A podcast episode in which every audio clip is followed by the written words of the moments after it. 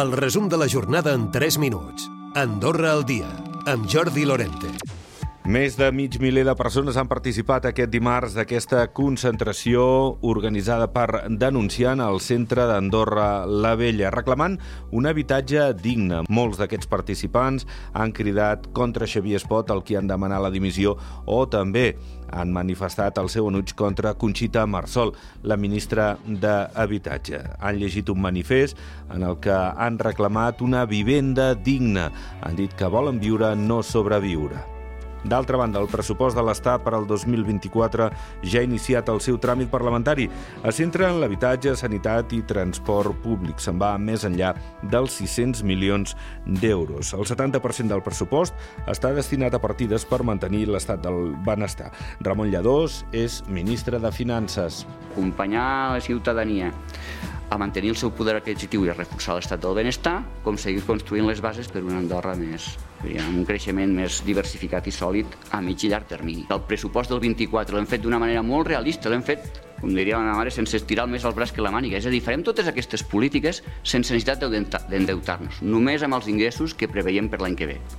És a dir, no hipotequem res a futur i alhora som ambiciosos amb inversions i amb despesa. Enric Casadevall, el president del Consell Superior de la Justícia, ha parlat de la investigació que va obrir la Fiscalia respecte a una contractació irregular al propi Consell Superior de la Justícia. No hi a ningú. Sobretot quan, quan ho valores. Però bueno, per això dic que ja ho valorarem en el, en el lloc que toqui, no?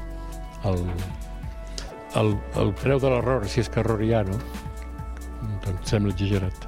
Casa de Vall ha estat la primera vegada que ha parlat eh, sobre l'afer. Recordar que el 14 de novembre serà substituït en el càrrec per Josep Maria Rossell. I el president del grup parlamentari de Concòrdia, Cerni Escalé, afirma que tenen sospites que la UT adjudicatària per explotar l'heliport de la Caubella a Pal podria no complir amb tots els elements que requerien el plec de bases fet públic pel govern.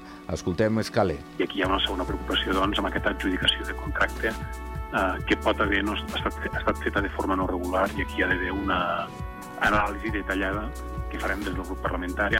Mentre els contraris a l'heliport no descarten noves accions de protesta per tal d'aturar les obres. Un d'ells és Michel Moliner. No serà rentable, perquè es demanava perquè fos rentable 12 passatgers a cada vol, resulta que n'hi haurà 4, 5, aleshores no s'entastarà la rentabilitat. Hi haurà molts més vols, doncs més soroll pels veïns. No ho sabem, no ens ho han dit. I Andorra i la Comissió Europea revisaran cada 10 anys el sistema migratori de quotes que es pacti per a l'acord d'associació.